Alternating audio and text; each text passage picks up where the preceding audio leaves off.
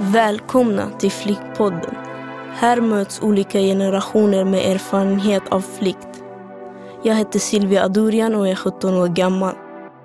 Jag kom till Sverige från Syrien för sex år sedan. Jag träffade den före detta politikern Nalin Pekgul som kom hit 1980 från Kurdistan. Jag frågade henne vad hon bär med sig från flykten idag.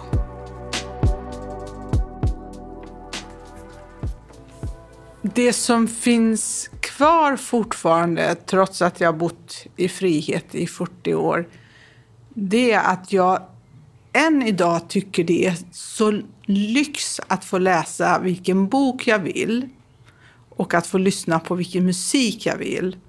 För det fick jag inte göra som barn eh, under de 13 åren där. Så att än idag när jag liksom tar en bok från bokhyllan, det är som något alldeles särskilt. Eh, jag får göra det här. Jag behöver inte vara rädd att mina föräldrar ska gripas eller att jag ska fängslas. Utan jag kan läsa precis vad jag vill. Och det är en enorm eh, lyx och frihetskänsla.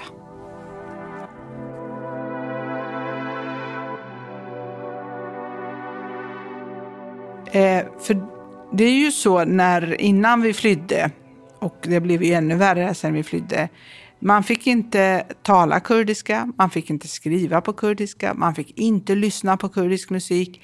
Om man tog fram kassetter, vi hade kassetter, kurdiska kassetter, men de skulle gömmas. Och eh, som barn så gick man och ändå lyssnade, men man visste ju alltid att man riskerade att föräldrarna fick långa fängelsestraff. Likadant med böcker. Vi hade kurdiska böcker gömda och vi gick och tog ut dem ibland och läste dem. Men det är klart det var förbjudet. Att överhuvudtaget allt som hade med kurdisk att göra, det var helt, helt förbjudet.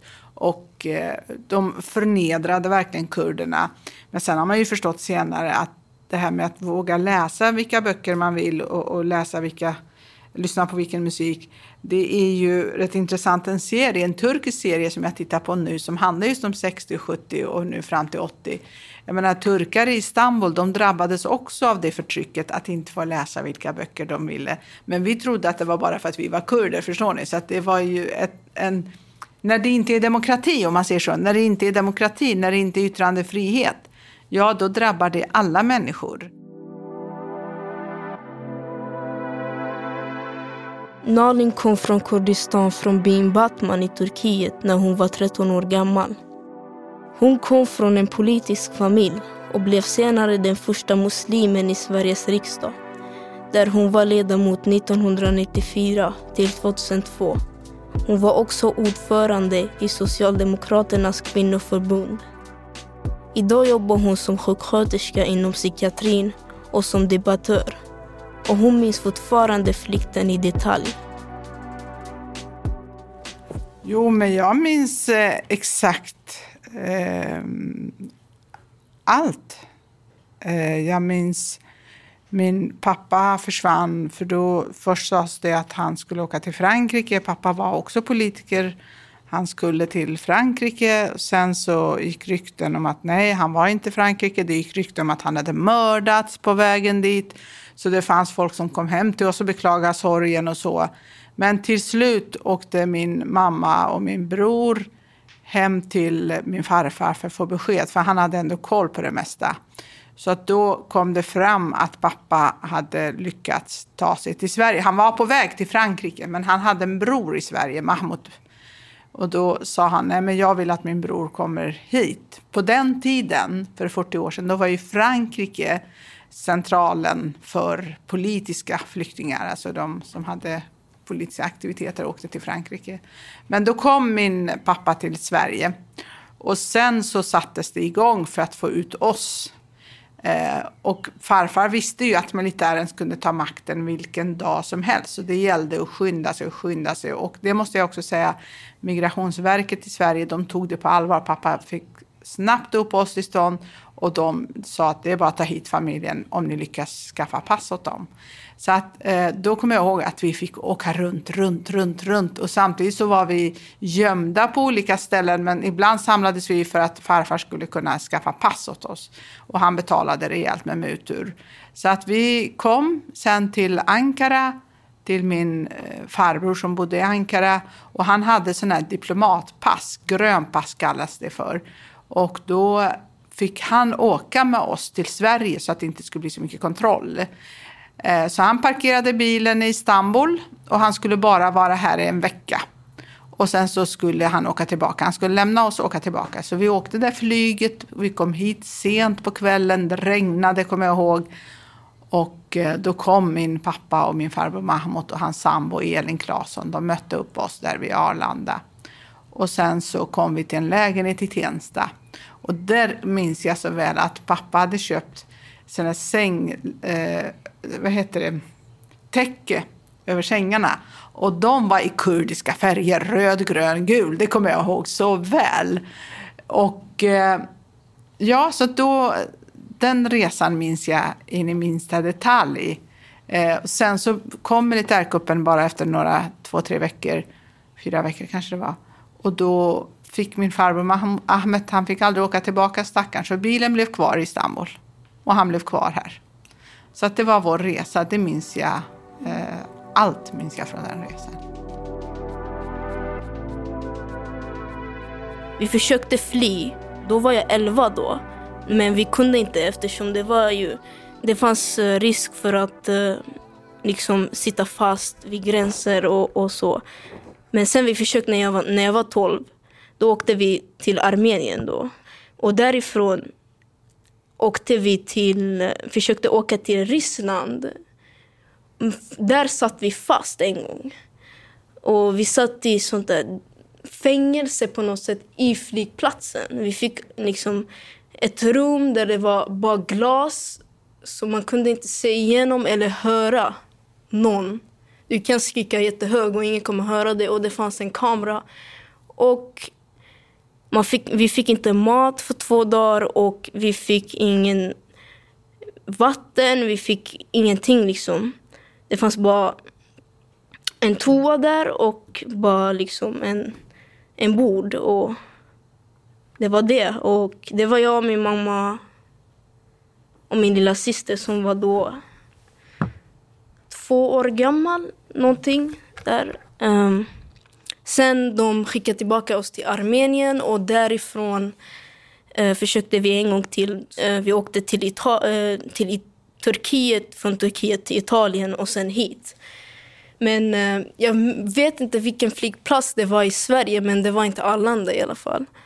Ehm, och ja, men då var vi här och sen min mammas vän var där och eh, liksom hämtat oss med bil.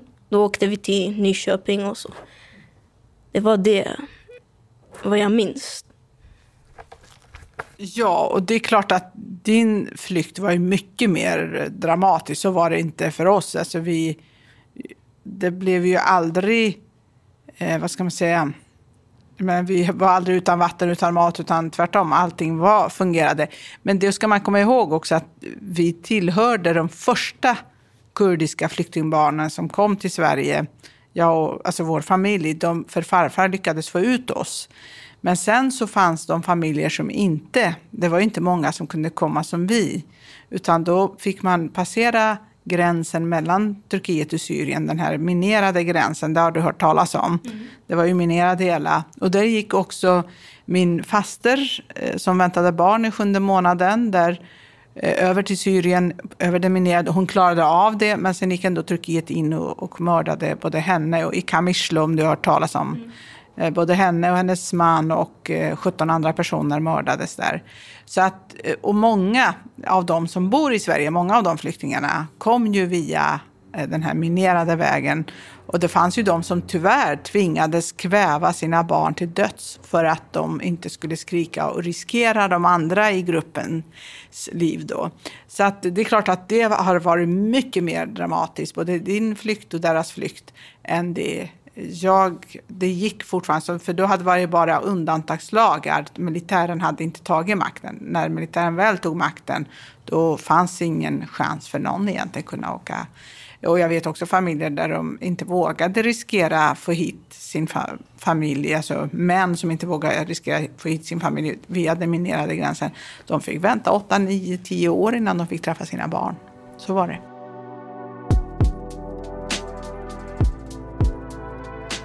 Militärkuppen i Turkiet som Nalin flydde ifrån ledde till en diktatur med bland annat fängslanden av uppåt en halv miljon människor.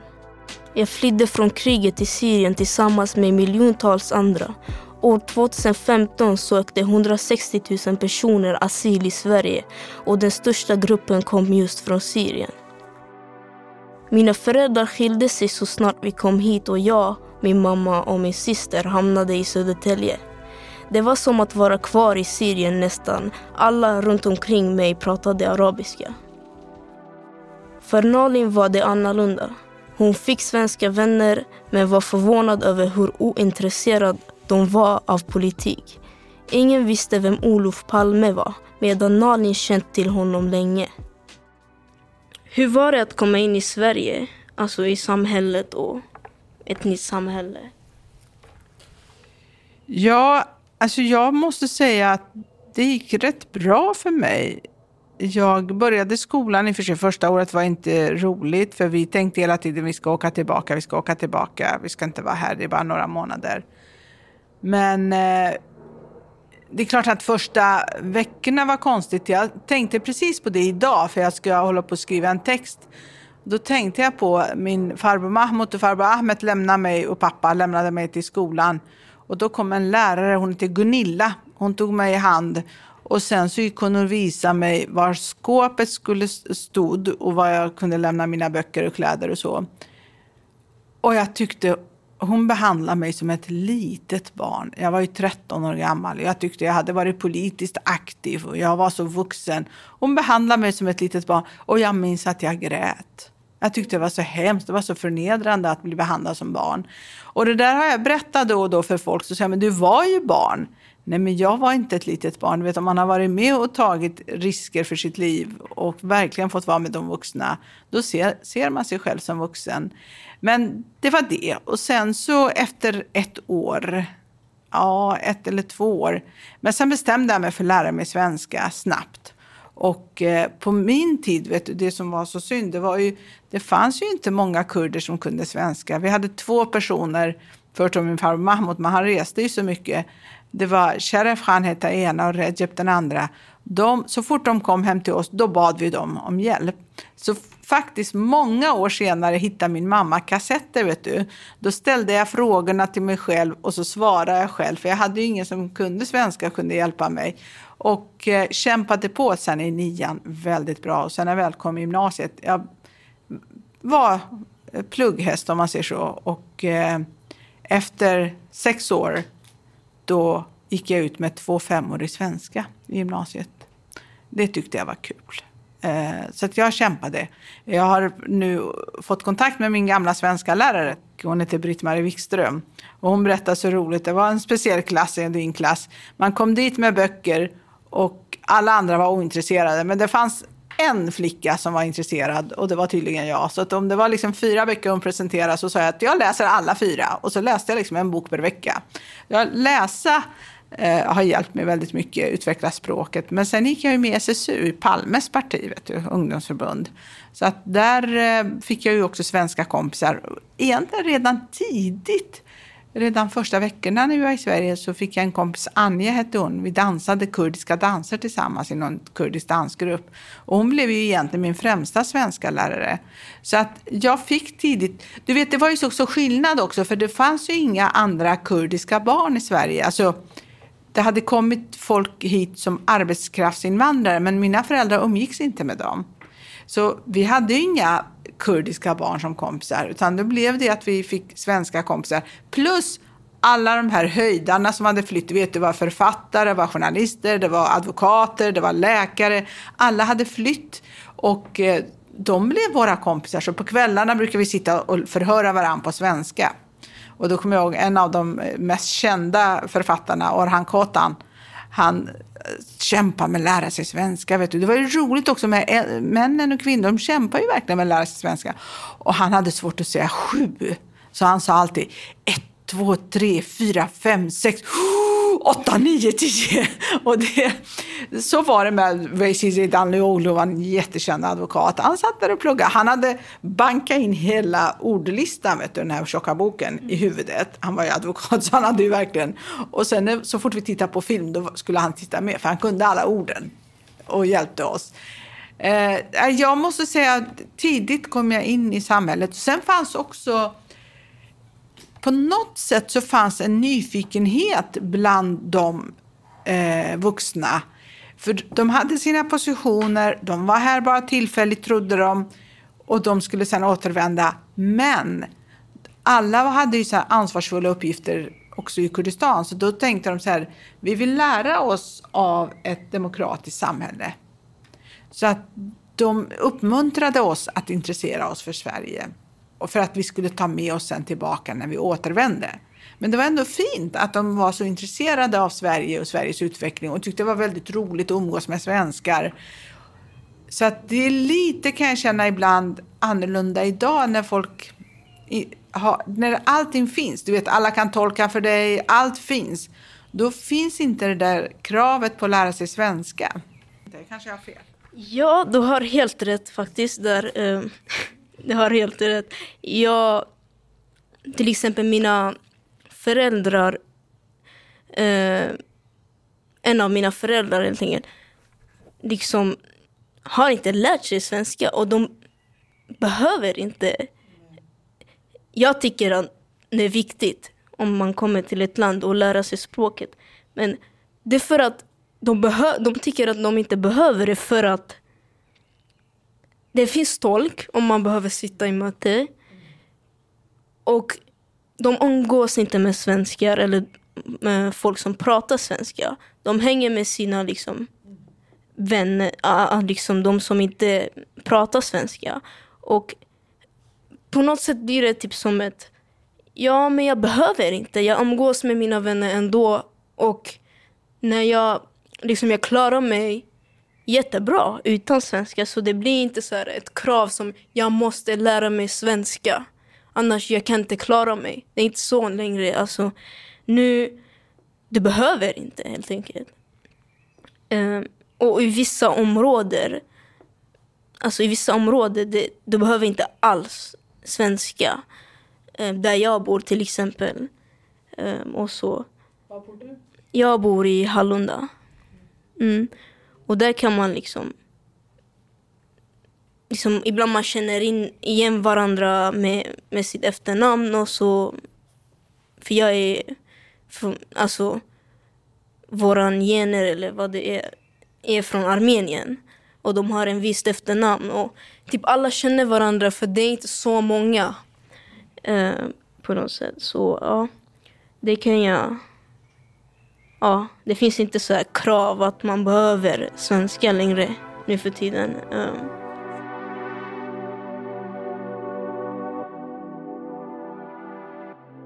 Jag har fortfarande inga svenska vänner och ingen 5A. Ingen högt betyg alls i svenska. För mig var det svårt att komma till ett fritt land där det ändå inte var stabilt för mig. Jag har, lik så många andra, inte fått uppehållstillstånd än och Migrationsverket verkar inte tro på mig. Och jag behöver få stanna. Jag är rädd att skickas tillbaka till Syrien där det är dödsstraff om man som jag är homosexuell. Och jag vill inte skickas tillbaka till Armenien där jag är medborgare. Fast jag har bara bott där några månader. Och där finns det ingen lagar heller som skyddar mig. Nalin och många som kom med henne hade från början en plan för att återvända. Men det vill inte jag göra. Alltså jag vill inte, vara någon, jag vill inte bo någon annanstans. Det för här jag är fri. Jag kan sitta hur jag vill, jag kan, jag kan tänka vad jag vill. Till och med där kan du inte tänka vad du vill. Tänka, alltså det blir bara... Man är så rädd. Man, jag, lev, jag levde i rädsla där, även om jag var ett litet barn. Syrien, det blev ju fruktansvärt också efter, för ni kom efter IS tog över. Mm. Och det blev ju, ett, men för, för det första så var ju inte en demokrati från början heller. Mm. Men inbördeskriget, det förstår jag att ingen längtar efter, det förstår jag. Men det var lite annorlunda för mig för att det var, även om det var inte riktigt demokrati så, så att förtrycket, förtrycket levde jag med, yttre förtrycket, och det var hemskt. Men bortsett från det så i det inre familjelivet och i släkten och så, så var det ändå väldigt, väldigt underbart. Alltså det var gemenskapen, de här politiska diskussionerna på kvällarna när man satte igång radion, alla satt knäpptysta och så lyssnar de på det och så analyserar de läget i landet och sådär. Det måste jag säga, det kan jag sakna än idag. Alltså diskussionerna vid middagsbordet. Ja, det förstår jag om man har liksom en familj där man är liksom accepterad i på något sätt och eh, man mår bra med. Men jag har inte, min familj är jag inte helt accepterad liksom, eh, liksom som en kvinna, jag ska klä mig så här. Och när jag inte gjorde det, liksom alla dömde mig. Jag var aldrig... Ingen liksom pratade med mig. Liksom, på, alltså, ingen, jag fick aldrig... Jag kände aldrig kärlek. Kanske jag fick kärlek, men liksom jag aldrig kände någon kärlek i familjen. Enda grejen jag kände var hat. Det är kanske inte sant, men eh, det är det jag kände.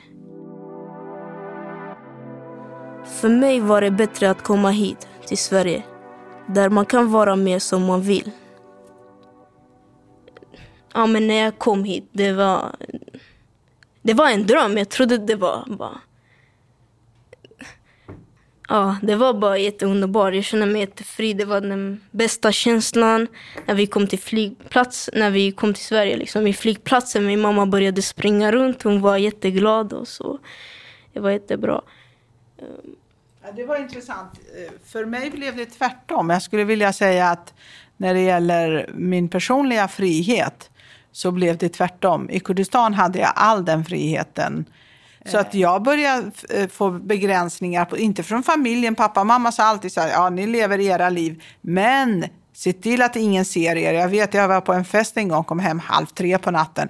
Och så berättade jag för pappa, jag och en kompis då, så berättade jag för pappa. Ja, sa jag, det var ju de här två svenska män som också var på festen. Och de hade ju druckit så mycket, men de insisterade på att följa oss hem för att lämna oss. De var oroliga att det skulle hända oss någonting. Och egentligen sa jag, det var vi som skulle ta hand om dem. Det var inga problem. Men då säger min pappa, det var väl ingen som såg er. Nej, nej, det var sent på natten, ingen som såg oss. Så på så sätt blev min frihet begränsad. För vi, fick, vi hamnade i en grupp av människor här, eftersom alla kurder hamnade här i exil, så hamnade vi i en grupp som jag antagligen aldrig hade behövt träffa i Kurdistan. Förstår du? Plus att det självförtroende som min farfar hade om folk klagade på vårt livsstil eller våra korta kjolar. Du vet, mina fastrar har ju bilder på 60-talet, de dansar med män, sådana här korta kjolar, mm. så här. Mm. De vågar inte jag ha i Sverige idag. Förstår du? 50-60 år senare kan jag inte ha det.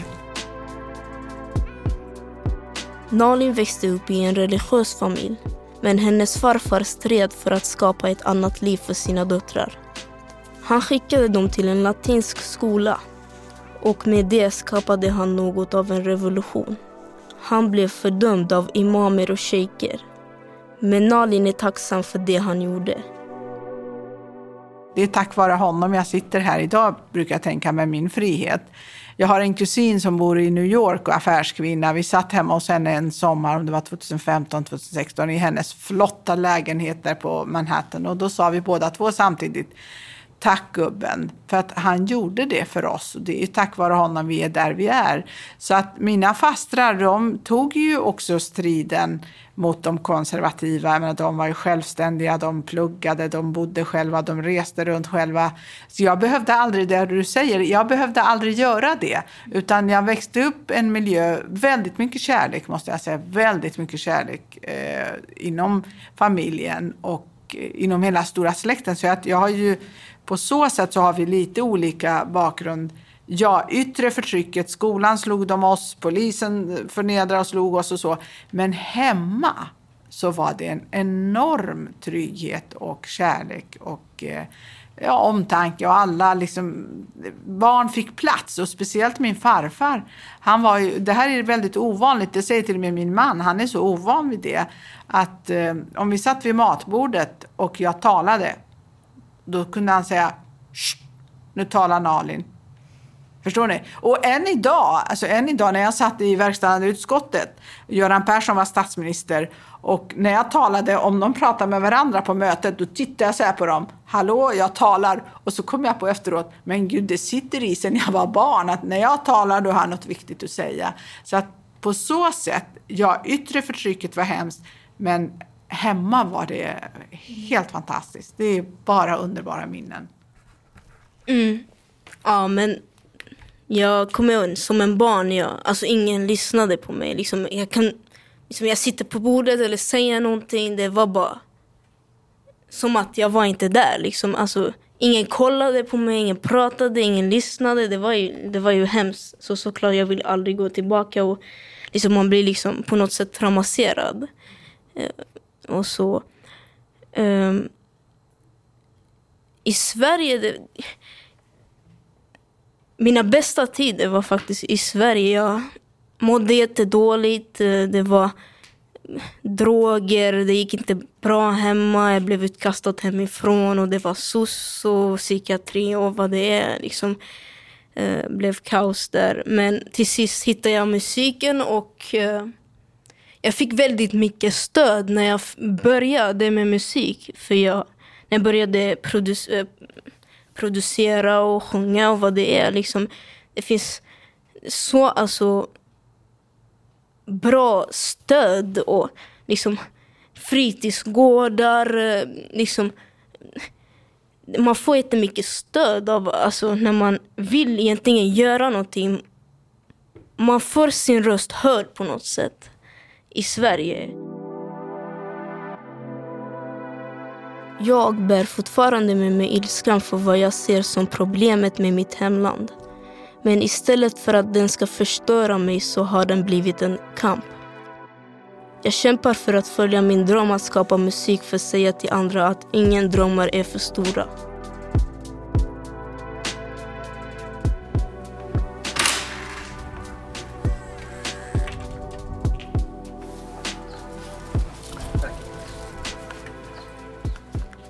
Ilskan ger mig, den ilskan jag har ger mig motivation för att vakna varje morgon. Och försöka bli någonting i livet. Någonting stort. För ingen trodde på mig och ingen trodde att jag skulle bli någon. De ville inte att jag skulle skina liksom. De trodde jag var bara ja, den tjejen med en luvtröja hela tiden och med sina hörlurar går runt och som ser ut som en kille som samhället säger i min hemland. Jag vill bara visa att jag kan bli någonting och jag kan göra någonting bra i livet och att de hade, jag vill att de ska veta att de hade fel.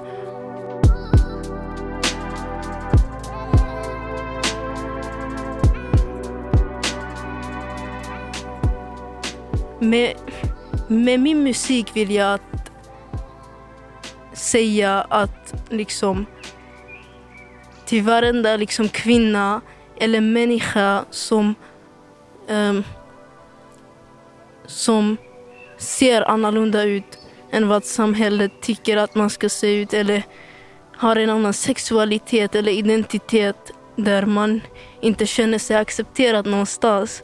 Och jag vill stå för, jag vill, med min musik vill jag säga att gå upp, ta din makt, säg till dem som har liksom tryckt ner dig att du kan bättre för att du kan bara. Alla människor är lika värda. Det finns ingen som är mer värd. Och om du tror att du är mindre värd än någon annan, det är bara du är inte, du tror bara på det för att alla har tryckt ner dig hela tiden. Men alla egentligen är ju lika värda.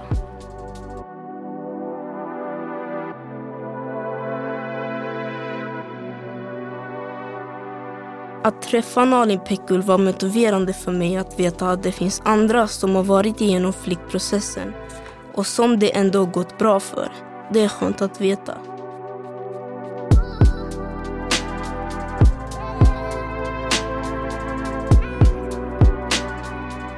Ni har lyssnat på Flickpodden som görs av mediehuset Fanzingo med stöd av Myndigheten för ungdoms och civilsamhällesfrågor.